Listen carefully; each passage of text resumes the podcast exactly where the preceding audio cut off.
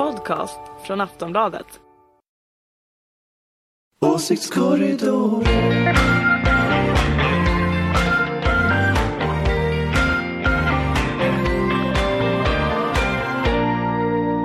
Välkomna till Åsiktskorridoren. Karin Magnusson heter jag. Det har återigen blivit dags att göra en eh, ideologisk korrigering av den politiska debatten. Eh, Inte för min del, jag jobbar inte på ledarsidan, men det gör ni.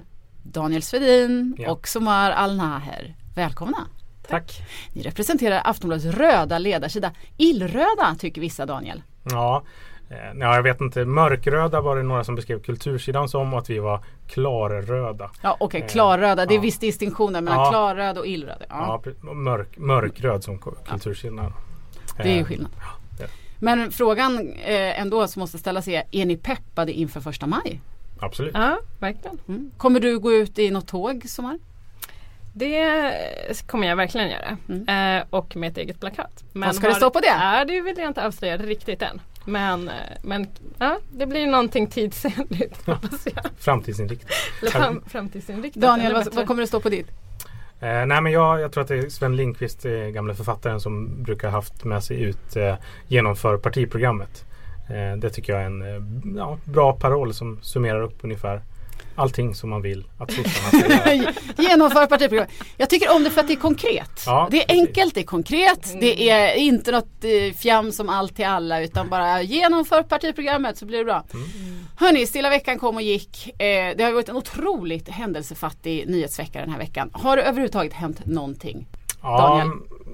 mm, jag håller med om att det har varit händelsefattigt och det, och det har väl också avs- liksom bidragit till att den stora debatten upplever jag är den här Jonas Tent-texten i eh, DN, på DN Debatt. Om Eller DN, DN näthat, Kultur. Om eller hur? näthat, Ja, precis. näthat och klass. Och jag tycker att det är superkonstigt hur, hur den är skriven. Men jag blir också lite upprörd på min egen så här, att jag har varit så himla engagerad i den. För det är ju en te- text som är ganska konstig som ingen skulle ha brytt sig om om den inte var publicerad i, eh, i DN. Och den handlar väl i, i eh, runda slängar om att han tycker att det finns eller så här, vänstern pratar inte längre om klass. Mm. Och då sitter det en massa arbetarklassmän ute i sina stugor och blir jättearga över det.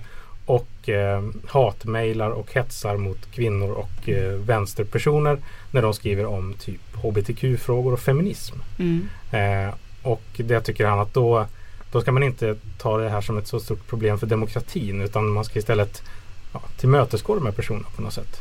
Tolkar jag texten som. Ha, men ha, hade han inte ett lovvärt eh, syfte med det här? Att han, han ville förstå de här? Kan man inte tycka att det är bra att han vill förstå sina medmänniskor? Jo, det tycker jag absolut att det är. Men det som jag i huvudsak liksom stör mig på i det där är att man ofta gör en, en sorts ehm, eh, jämn, ett, eh, vad heter det?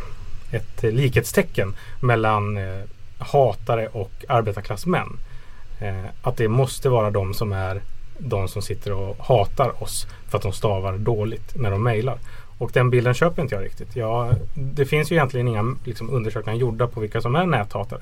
Men researchgruppen gjorde ju ihop med Expressen en, en granskning om vilka som var Mm. näthatare. Och den publicerades då sen i sin helhet i fria tidningar. Eh, och då var det ju att det enda man kan se som är gemensamt för de här människorna är att de är män.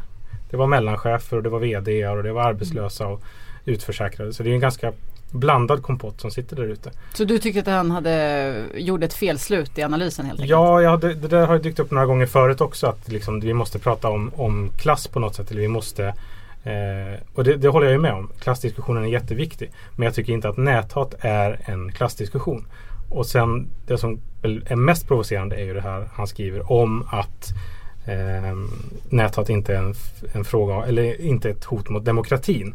Eh, vi vet ju att det finns människor som, och ofta är det ju kvinnor då, så fort de deltar i Mm. debatten så att säga blir de mordhotade. Det behöver inte vara sådana som du och jag som är anställda på en, på en stor tidning och har hjälp av kollegor och så vidare. Utan eh, ja, små tjejer som bloggar Varje Och- vår... Ja precis. och då drar sig tillbaka från offentligheten så att säga för att de eh, uttrycker en åsikt som är jobbig.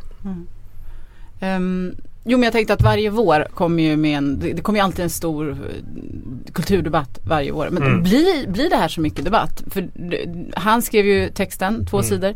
Eh, men sen verkar de flesta bara tycka att han hade fel. Ja, ja visst. Och det, och det illustrerar väl också så här att varför blir alla så upprörda? Eh, vi har inte så mycket annat att prata om. Mm. Eh, och det är ju superkonstigt. Det är Det också. superkonstigt. Det är superkonstigt. Vad, vad säger du Somar? Eh, någonting superkonstigt som har hänt i din värld? Ja, eh, eller min och min värld, det kanske är mer Moderaternas värld. För att eh, bostadspolitiska talespersonen för Moderaterna som heter Oskar Öholm han skrev en replik i veckan på Expressen eh, där han menade att om, eh, om oppositionen kommer att vinna valet så kommer man att ta bort krogmomsen och eh, Sänka- återställa. återställa, kronan. återställa eh, krogmomsen och eh, arbetsgivaravgiften. Eh, alltså ungdomsrabatten som Mm. det också har kallats för. Han menar att om man, om man gör den åtgärden då kommer stadskärnorna att eh, falla sönder. Därför att då kommer kaféerna och restaurangerna att stänga igen. Och hur ska det då gå med stadslivet? Eh, och det här vill han lyfta fram som en, eh, som en eh, stadspolitisk fråga. Och det här är helt galet. För jag vet inte om ni minns men jag minns att innan krogmomsen sänktes så fanns det ett stadsliv där ute. Eh, och Tycker mig ha minnen av att det fanns kaféer i Eller Stockholm. hur? Även Mm. Nej, alltså jag det tycker det var ju helt blankt. eh, Allt stängde klockan, allt stängde klockan eh, 17. Ja precis. Eh, men så är det inte. Och dessutom det här, det här eh, krogmomsen eh, har ju dessutom kritiserats av flera experter. För varje, man har räknat ut att det har skapat max 4000 jobb och varje jobb kostar ungefär en miljon. Alltså det är fyra gånger så mycket som vad eh, vanligt jobb Mm. eh, kostar. Eh, så det är en ganska dyr och ineffektiv satsning. Eh, men trots trots detta så eh, håller Moderaterna desperat i den här frågan och nu slänger de in stadslivet här som, som eh, ja, Men det finns, jag- måste bara säga, det finns, jag har ju vänner som, är, som driver kaféer, som driver restauranger och de är ju livrädda för ett maktskifte till hösten. Därför att de kommer behöva avskeda så mycket människor. De är, de är ju precis skräckslagna inför det här. Och det här handlar ju om folk som har kanske gått upp ifrån att ha ett tiotal anställda till att ha dubbelt så många. Och det är människor som de inte kommer att kunna ha kvar, som är unga. Så att det där är ju det är klart att många ser ett problem i det här också. Vad ska alla de här unga göra som har fått ett jobb tack vare den här ungdomsrabatten? Som man säger. Vad, vad tänker du? man ska komma ihåg att de här pengarna de, det finns ju andra partier som menar man kan göra bättre saker med dem. Satsa på utbildning till exempel Mm. eller satsa på Andra partier, Socialdemokraterna andra typer- ja, till exempel i vårt fall här. Bara för att ta ett, parti bara helt taget i luften. Nej men ibland framstår det som att man kommer ta pengarna och så finns det inga satsningar. Men det, Mm. det finns ju andra, andra idéer och det här är som sagt en alldeles för dyr eh, åtgärd som Fast det inte är ju ändå har... folk som kommer stå utan jobb. Alltså Det- det är ju unga människor som kommer bli utan sina det är, anställningar. inte, det är inte säkert. Därför att det kan, de kan ta anställningar någon annanstans. Det beror på hur man satsar på arbetsmarknaden. Ska komma ihåg också att den här ungdomsrabatten då, alltså sänkningen av arbetsgivaravgifterna. Mm. Eh, den är ju bara tills man fyller 26. Sparkar arbetsgivarna eh, de här kidsen när de fyller 26? Eh, Fast det är väl jättebra om man har ett jobb medan du Mm. pluggar till exempel och kan jobba extra och du har en möjlighet att etablera dig på arbetsmarknaden tills du fyller 26. Är inte Mm. det toppenfint? jo, det är jättebra. Men eh, inte för de här, alltså det är alldeles för dyrt. Om vi säger att det har skapat 4000 jobb eh, så är det, och det kostar en miljon per, per jobb, så är det för dyrt. Det kanske finns bättre sätt att skapa jobben, alltså de här man säger att varje jobb kostar lika mycket som ett, som, eller fyra gånger så mycket som ett liksom vanligt jobb. Då kanske det finns bättre idéer där ute. Du får säga till dina restaurangägarkompisar att de får skapa en bättre affärsmodell om de inte klarar av att Men de har ju kunnat bygga ut naturligtvis. Det är det som har hänt. Att man Mm. har kunnat expandera och fått en, liksom, en, en större affär helt enkelt. men det som är intressant med hur man ser Och på folk har fått jobb. Just det. Naturligtvis. Det är Just ju, det. Men en annan sak det är hur man ser på staden. För att det här är också en klassisk högersyn på vad staden ska vara till, vem staden ska vara till för. Mm. Och det är, man omvandlar hyresrätter till bostadsrätter. Det innebär att det är, några, det är en viss typ av grupp som har råd att bo inne i stadskärnan. Men man sänker också, eller man eh, inför ju rutavgifter till exempel. Det gör ju också att de som har råd kan eh, hyra in städhjälp. Och nu det här med restaurangmomsen också som gör att folk kan eh, också äta ute oftare. Men det är också en viss typ av grupp. För de som servar och jobbar i de här branscherna bor ju utanför städerna oftast. Så att man åker in, jobbar liksom med service och sen åker hem. Och det här är en klassisk här, segregeringspolitik då som förstärks ytterligare. Så det är intressant när Moderaterna pratar om hur staden ska se ut. Den är ju inte till man bygger inte en stad liksom för alla som ska vara inne i kärnan utan mm. det är en viss grupp och det är deras målgrupp. Mm. Är, är det här någonting av är det här budskapet som du kommer skriva på ditt första maj-plakat? Åh, oh, man vet ah! aldrig. Ah, ah, ah. Du verkar i alla fall brinna för det. Eh, Okej, okay, det var superkonstigt. Eh, det var superkonstigt också. Någonting mer som har hänt som har varit superkonstigt den här veckan? Daniel, jag ser att du sitter och trycker på någonting. Ja, men det var väl egentligen förra veckan men jag har inte riktigt kunnat släppa det här och det är ju att eh, Frank Baude eh, kommunistlegenden lämnar partiet som han eh, var med och bildade på 70-talet. Mm. Eh, kommunistiska partiet heter de idag. KPMLR var de tidigare kända. Eh, rikt, riktiga mm. Göteborgs-stalinister. Och eh, nu eh, lämnar han partiet för han tycker att det gått för långt med feminism. Att man inte har varit tydlig och tagit avstånd från trängselskatter i Göteborg. Mm. Och sen så är han också upprörd över att det ligger tiggare på Göteborgs gator.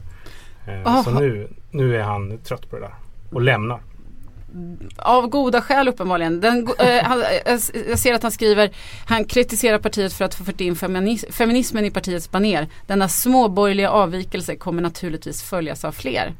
Frågan är, eh, utrikesminister Carl Bildt han twittrade också om detta. En mm. riktig pärla. Frank Baude anklagar Sveriges kommunistiska parti för att ha hamnat i medelklassträsket. Eh, frågan är vart, eh, vart går han från här, härifrån?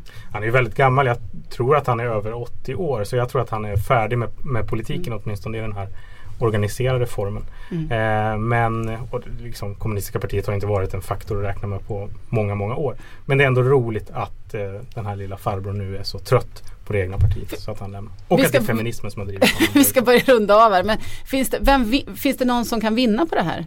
Eh, ja, jag hade en kompis som sa det nu. Det kom någon demoskopmätning om eh, att övriga partier ökar väldigt mycket. Han sa att det måste vara FI-väljarna som nu strömmar till kommunistiska partiet när alla har fått höra att eh, de är sådana duktiga feminister.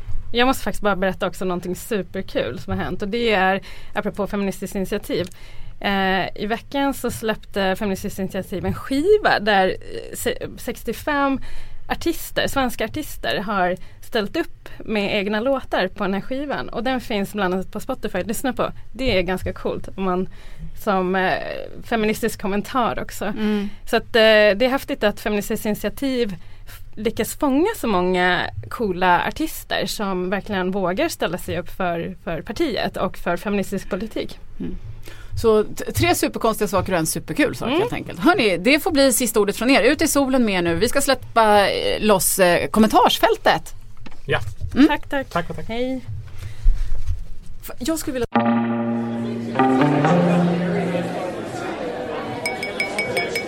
Hallå! Det är dags för kommentarsfältet nu. Kan alla vara tysta? Tack, tack. Det var ett tag sedan sist. Nu är de äntligen på plats igen. Högerns härligaste hår, Ulrika Schenström. Hej Ulrika! Hej! Härligt hår! Ja, Härligt precis. Hår och Murven på nyhetsmagasinet Fokus, Torbjörn Tårta Nilsson. Hej på dig Tårtan! Hallå, hallå! Hur har ni det? Bra tack! Bra! Mm. Ni mår bra? Ni ser ut att må bra. Ja, det är fredag. Mm, skönt. Eh, en kanske ännu viktigare fråga är hur mår du Irene Wennemo? Det är du som ska bli opponerad. Ja, nej, jag känner mig lite rädd faktiskt. nej, men det var, de var jätteelaka förra gången. Ja, åtta punkter hade de med sig och diverse anklagelser liksom kom. Så att jag vet inte. Ja, men du höll ju med sen. Det var det som var det bästa. men eh, det, det, är ju du, du den här veckan igen. Du börjar ändå få viss rutin på det här. Ja. Karin Pettersson har ju lovat att hon ska komma tillbaka. Hon har bara varit så otroligt upptagen Ja precis, hon vågar inte va? Skicka fram eh, fotsoldaterna. Men. Eh, hörni, idag handlar det inte helt oväntat om försvaret efter den här veckan. Vi tar och börjar och lyssna på den text som du skrev Irene. Det är mindre än två veckor sedan regeringen föreslog att 100 miljoner årligen skulle skäras ner på försvaret. Detta trots att ÖB varnade för en bristande svensk försvarsförmåga. När försvaret väl är utbyggt till 2023 räcker det bara för att försvara Sverige en vecka. Många har känt sig genuint oroade efter Rysslands annektering av Krim och över oroligheterna i östra Ukraina. Rysslands argumentation har dessutom skapat ängslan i flera länder med rysktalande minoriteter. Det finns inget som talar emot att samma sak inte kan hända även där. Rysslands möjligheter till påtryckningar är dessutom stora. Flera länder i Europa är helt beroende av den ryska gasen och väljer därför att tala tyst om det som pågår i vårt närområde. Regeringen verkar under trycket av dessa oroligheter ha fått kalla fötter nere i sin skyttegrav. De beordrar nu en plötslig reträtt från tidigare positioner. Istället föreslår de en välbehövlig satsning på både flygvapnet och marinen. Regeringen verkar också ha lyssnat på Försvarsmaktens önskemål om att detta kräver fler, inte färre, tillsvidareanställda inom försvaret. Att regeringen kommit till sans när det gäller besparingarna verkar emellertid inte hindra dem från att försöka gräva nya skyttegravar mellan sig och andra partier. Istället för att försöka bli överens inom ramen för försvarsberedningen går allianspartierna fram med en egen uppgörelse. Det är att slänga grus i maskineriet. Om fyra av åtta partier blir överens på en hög detaljeringsnivå minskar möjligheterna att få till stånd en bred enighet. Men ännu värre är det med de oseriösa analyserna av de framtida kostnaderna och med finansieringsförslagen. Det kan säkert finnas skäl att höja dagsböter och förseningsavgifter om man är sen med deklarationen. Men att specialdestinera dessa pengar till ubåtar eller JAS-plan blir bara löjligt. Ännu värre är förslaget om en neddragning på regeringskansliet. För drygt två år sedan slogs regeringen med näbbar och klor mot just ett sådant förslag.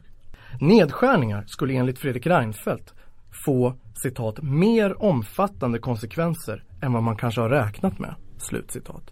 Det skulle leda till att ett 30-tal ambassader skulle få stänga och att det var nödvändigt att säga upp väldigt mycket personal. Nu när det finns en överhängande risk för regeringen att förlora i höstens val har de plötsligen ändrat sig. Det är inte seriöst. Sverige behöver inte ett fortsatt sandlådekrig om försvarsbudgeten. Krisen i Ukraina är faktiskt på riktigt. Tack eh, för den inläsningen Martin Söderström och eh, ja, tack för texten Erik. Tack så mycket.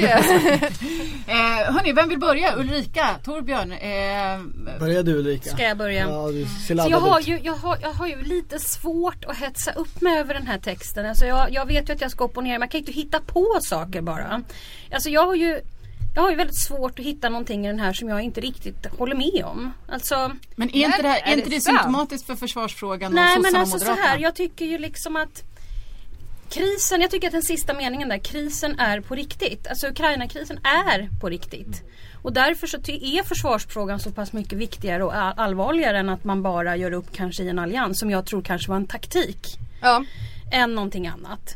Eh, Jag tror att försvarsberedningen måste komma fram till saker gemensamt. eh, För det här är så pass allvarlig situation vi har i världen faktiskt om jag ska vara ärlig. Så jag tycker inte att man ska inte taktisera på sånt tycker jag. Men va- varför inväntar man inte försvarsberedningens utredning då?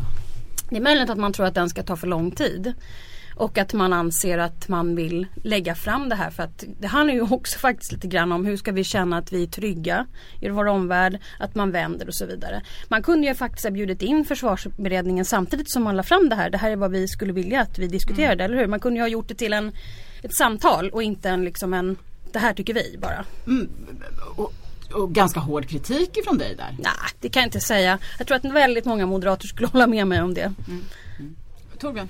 Ja då, då har jag typ den, den här uppgiften att försöka tänker jag ändå hitta någon, någon slags försvar för regeringen. jag känner jag för kommer det, det kommer inte från eh. Ja, verkligen. Att det brukar vara ett sånt rivjärn i sin kritik. ja. Och helt plötsligt, Ja, vi- du chockade mig. Ja. Ja, jag blev Ja, men det är underbart att jag får göra det ibland. Ja, men så här då, grundgrejen i det här är ju egentligen kritiken i att eh, försvarsberedningen är viktig och den borde regeringen bry sig om och att man ska komma överens gemensamt över blockgräns och sådär och så är det säkert. Men om man tittar lite över tid på den här liksom krisfrågan, eh, eh, alltså hur har man analyserat säkerhetsläget bakåt och när har man gjort satsningar så så undrar man ju liksom, har Sverige satsat rätt någon gång i historien? Alltså rustat upp vid ett tillfälle och rustat ner vid ett tillfälle. För sju år sedan var liksom alla politiskt helt överens om att det här hotet från öst existerade inte, det enda hotet Mm, som fanns var liksom klimatet. Så då kan man ju fråga sig, är försvarsberedningen rätt forum? Har man lyckats med den uppgift man så att säga tar på sig? Och sätter man ett litet frågetecken där då kan man ju eventuellt eh, försöka i alla fall hävda om man, om man ska tala för eh, firma Reinfeldt och Borg att då är det väl bättre att vi går fram själva här och är, har ett konkret och rejält Jo, besked. vi skiter i försvarsberedningen. Jo men, De men det är väl bra fel. men alltså på lång sikt så måste vi ju ha ett försvar som fungerar jag tror att det här, den här leder ju in egentligen en diskussion om NATO. Som vi ju egentligen är med i och som inte någon kan bekräfta men som alla vet att vi är med i och då kanske vi ska säga det någon gång. Eller så kanske vi bara öppet kan deklarera att vi är med och hjälper till med artikel 5 till exempel alltså, som handlar om liksom när man hjälper länder som är med i klubben om man säger så. Och Ukraina är ju inte med i klubben och det är där problemet är för hade det här varit Baltikum då hade vi sett många insatser från NATO redan för länge sedan. Så att jag tror lite grann är det lite så här, du vet alltid när det handlar om försvarsfrågor som jag faktiskt kan erkänna här och nu att jag inte alls är särskilt intresserad av. Därför att det är ett sånt skyttegravskrig och alla tror att de sitter på sanningen och det är ungefär samma människor som cirkulerar så här och så sitter de och pangar på varandra i olika åsikter som egentligen kommer ner i en fråga om ska vi erkänna att vi är med i NATO eller inte? Ja nej men det... Vad säger Aftonbladets ledarsida? Är vi med i NATO? Vi är inte med i NATO, det är Aftonbladets position. Eh, men jag, jag håller helt med. Aftonbladets ledarsida är inte med i något. Nej, nej, precis, Vad skönt. Nej, men, nej, men jag, problemet var väl lite grann att, att det är klart att man behövde säga något sånt här från regeringen. Men det blev lite det slog tillbaka mot regeringen själv. Särskilt när den började med den här detaljfinansieringen. Att säga att man ville göra det här. Det var ungefär, de sa samma sak som vi har krävt på Aftonbladets ledarsida. Vad man skulle göra för några satsningar. Men sen när de började med att man skulle höja dagsböter och så vidare. Det var då det, liksom, det, det, var då det här utspelet riktigt hamnade snett skulle jag säga. Men det här har ju hållit- nej, men egentligen väljer han samma form som har varit fram, alltså Reinfeldt, som har varit framgångsrik tidigare. Man blir överens inom den här och så måste alla andra partier förhålla sig till det. Och på något sätt har det, det har ju varit i åt, sju Men, år men att köpa flygplan och, och hangarflygplan och Ja. massa andra saker det är, ju, det är ju en sak som ska hålla ganska länge. Ja. Det är ju inte så här du vet nu köper vi ett par nya träskor här. Utan Nej. vi pratar om att liksom köpa Men- men saker det- som ska... Så här, men sen är det ju också så här, det är väl självklart att vilken regering, det skulle ju en socialdemokratisk regering också göra, det är ju att visa ett ansvar Mm. när folk känner ett, en oro för ett hot från öst i det här fallet. Men sen har det ju också varit lite sådär som eh, det, har ju sett ut nästan som kalanka alltihopa med det här med flygplan som inte startar Ja. när de håller på. Och, och nu flyttar vi alla våra flygplan till, till Gotland. Jaha, tänk om vi blir angripna någon annanstans då har vi inga flygplan. Alltså, det har ju varit lite Ja. så här du vet som om försvaret är liksom lite kalanka. Men blir inte grejen då, alltså det här vi, ni var inne på alldeles nyss med finansieringen att den här krona för krona principen som skulle göra det jättesvårt för Magdalena Andersson och, och, och sos- sossarna De har i och för sig inte kommit med sin budget, Nej. det händer ju först nästa vecka men Ja.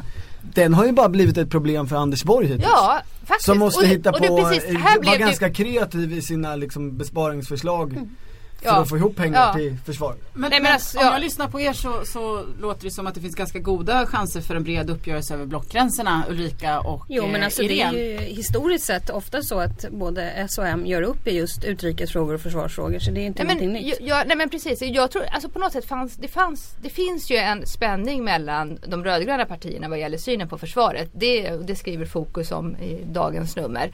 Så att det, men på ett sätt, det fanns ju någonting för regeringen att angripa men på något sätt, det sätt de angrep de rödgröna på, det slog tillbaka mot dem själva. Det var de som framstod som, som löjliga när de började med finansiera försvaret med förseningsavgifter på deklarationen. Så att, eh, ja, ja, ja vi håller nog alla med om, det. Om du vill ha ett starkt försvar, lämna deklarationen för sent Ja, och sen men det väl så här, Ja, och sen- och så hela det, Det är de ville, det de ville fokusera på, Men- det, det kom helt i Det skymundan. Men jag, jag tror att hela det olika. politiska etablissemanget måste nog ta och liksom eh, formera någon slags långsiktig lösning för hur försvaret ska se Ja. ut i Sverige.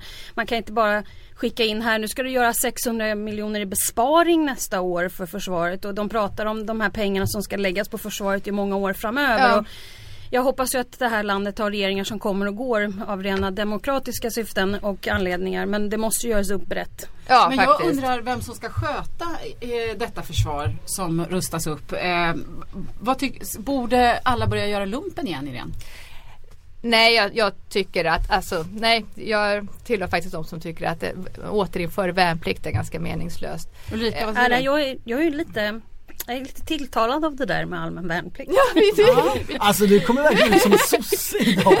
Jag här är Ja, spännande. allt jag har sagt. Nej men du vet försvarsfrågan är sossar och moderater överens. Det är ju bara Ja, fast idén här som inte Moderaterna är traditionell.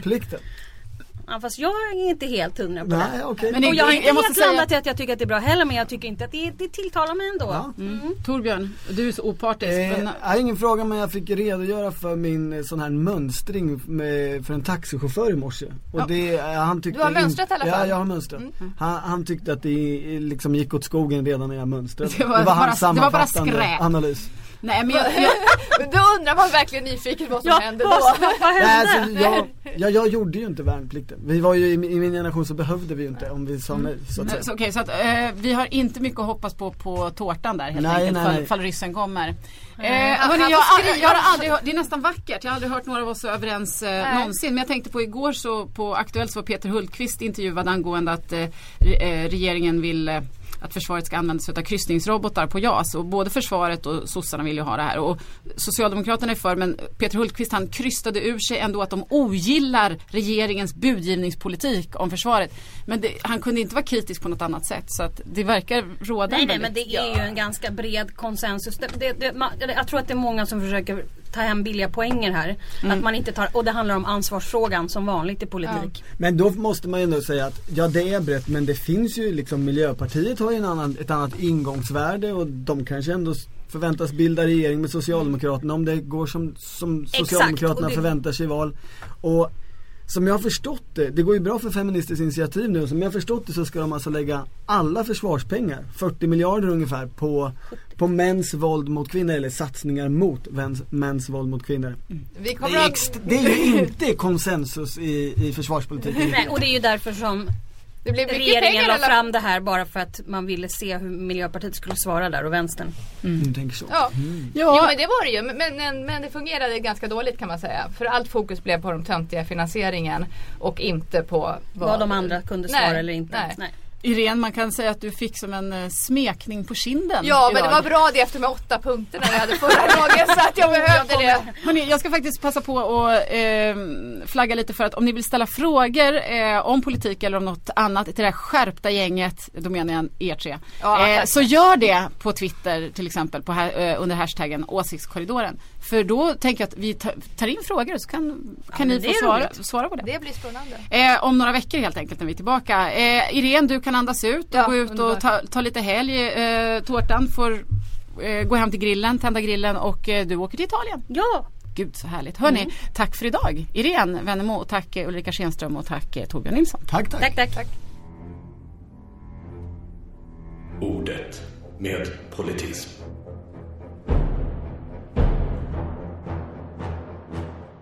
Nu äntligen har det blivit dags eh, att hälsa välkommen vännerna på Politism med Margrethe Atladottir och eh, Erik Rosén. Hej på er! Hej! Hej! Tjena. Erik berättade precis att han är något av en glasskonnässör. Så du, bara innan vi tar tag i det viktiga, veckans ord, berätta exakt hur mycket glasskonnässör du är. Alltså jag jag är väldigt förtjust i glass och under sommaren så försöker jag äta egentligen glass så ofta som möjligt. Varje, är det varje dag vi pratar om? Nej det är inte varje dag men det är kanske tre, tre fyra glass i veckan i alla fall. Alltså vi pratar pinnglass nu eller hur? Mm. Mm. Ja, ja. Eller vilken glass som helst. Och då är det från, från, eh, nej men det, det Köper du från glassbilen? Nej det gör jag inte. Nej. Det, det är liksom Det är Pressbyrån Ica eller vad som helst. Det är ju, där är väl, det är ju såhär slanig glass i... Ja, exakt, Ja. exakt. Det skulle i och för sig vara roligt om du gjorde det, alltså när glassbilen kommer till ditt kvarter så alla, alla barn springer hit och du. Och Erik. Hörni, det här är, eh, eh, det var någonting inte jag kände till om dig Erik och förmodligen inte lyssnarna heller så att det var roligt att få höra. Men vi har ju något betydligt viktigare att prata om, nämligen att ni har plockat ut veckans ord. Och vad blev det den här veckan, Margret? Det blev eh, ett rätt så tråkigt ord, nazivåld har vi valt. Ehm, och egentligen så var det rätt självklart efter Uppdrag gransknings ehm, program tidigare i veckan som ju eh, var väldigt, väldigt otäckt tyckte vi båda Mm. två. Tror Det var alla ju tyckte. förskräckligt och jag tror att det var en brutal ögonöppnare för väldigt många. Att, eh, att det här faktiskt pågår. Verkligen och det är tråkigt att det är på sätt och vis då att det ska behövas fler ögonöppnare men så är det nog. Eh, och ett av de stora problemen är ju att man har inte tagit det här på allvar särskilt mycket utan Mm. både i utredningar och i liksom debatten så har det pratats om som att det egentligen nästan är alltså, pojkstrecksnazister som eh, sitter hemma på sitt rum och lyssnar Mm. på, på rockmusik. Eh, men, men en annan anledning var ju att vi också Den här veckan har Nationaldemokraterna lagt ner sitt parti Och vi har skrivit om att det är snart ett år sedan en nazistattack i, i Storvreten som nästan helt glömdes bort och varken uppmärksammades av medierna eller polisen. Eh, och eftersom debatten om nazismen tagit fart jättemycket igen och Uppdrag granskning har sänds så kändes det som att jo den här veckan måste vi nog prata om det här. Ja och sen alltså det har ju liksom också varit en vecka kryddad av liksom den här liksom vardagsrasismen, alltså den som har blivit lite mer rumsren, typ SD-rasismen. Eh, och liksom kanske lite oväntat. Jag kände inte till den här eh, politikern jättemycket innan den här S-politikern Lennart Holmlund som skrev ett, ett väldigt omsusat blogginlägg om tiggarna. Jag tror rubriken var är, ti- är tiggarna organiserade och av vem? Alltså det var Just bara det. så mycket så här rasistiska myter. Ehm, och liksom folk har ju reagerat väldigt starkt på det här såklart och vi har skrivit en hel del om det. Mm. Sen pågår ju en diskussion kring unionen som, som eh, tillåter då en aktiv SD-politiker att vara aktiv fackförbundsföreträdare också och det har de fått otroligt mycket kritik av från sina medlemmar. Mm. Eh, och det, men det är också på den då så att säga mer, vad ska man säga, den, den icke-nazistiska rasismen i alla fall. Eh, men vår slutsats är väl att, att eh, det måste, måste liksom prioriteras mycket mer polisiärt. Ja, det, jag tror att jag såg liksom en hel del kritik eh, efter Uppdrag granskningsprogram. Så här, ah, men det var ett jätteviktigt program och det var väl, verkligen så här, bra att man fick se så vanligt folk och att de liksom tar ställning. Vi fick se bilder från Kärrtorp igen och ja, men de intervjuade en skolelev vars skola har blivit nedklottrad och sådär. Men man, man efterfrågade ju lite så här, nästan ett helt eget program om så här, men hur jobbar polisen med det här? Liksom? Ehm, för att det är ju många av de här misshandelsfallen senaste året har ju liksom, ja men det har inte hänt någonting. Det är lite så här, alltså man blir så provocerad av mesigheten. Så, ja, Men- vi vet vilka de är förövarna. De liksom har ändå bra koll på de här liksom SMR-personerna men att det liksom, det, det händer ingenting. Men skulle SVT vara lite pigga där, vilket jag hoppas att de är, så eftersom Uppdrag granskning nu kommer göra ytterligare ett program Mm. om eh, våldet från extremvänstern och eh, eller våldsvänstern eller vad man ska kalla den för. Och, och därefter det, om man inte tar in polisen och, Mm. och liksom i det programmet så skulle man ju faktiskt kunna ha en, en hearing. Att man har en direktsänd hearing kring de här frågorna. För att jag tror att många, precis som du Margret och, och du Erik, undrar liksom var finns polisen i det här och, och, och vad gör man ifrån från rättssidan helt enkelt. Mm. Ja men exakt, det vore väl en, en extremt bra idé om de gjorde det. Annars blir det som, vi kan inte acceptera att, att nazister liksom knivhugger Mm. och misshandlar folk till höger och vänster. Som att nazivåld blir den nya så här, cykelstölden. Som man bara säger, ja det här är något som händer varje dag och det får vi acceptera. Vi står ju, nästa, nästa vecka så är det ju första maj. Det kommer vara fullt av demonstrationer runt om i landet. Eh, vad tror ni inför det? Är det här någonting som kommer märkas av? De här motsättningarna som vi har sett eh, i december i Kärrtorp till exempel. I Malmö. De har gett demonstrationstillstånd till Svenskarnas parti eh, som ju är nazister i Jönköping på första maj. Eh, vilket ju också, det kommer också bli en motdemonstration där och så vidare. Men den demonstrationen i sig är ju precis som de flesta nazistaktiviteterna en provokation för att de vill ha någon slags konflikt och så vidare. Eh, så, och det kommer väl mer och mer sånt. Vi läste i Aftonbladet igår tror jag det var om att eh, nazisterna mobiliserar inför Almedalen också och ska vara på plats där väldigt mycket. Det var de i förra året också, Mm. inte minst under Reinfeldts tal hörde vi dem och så vidare.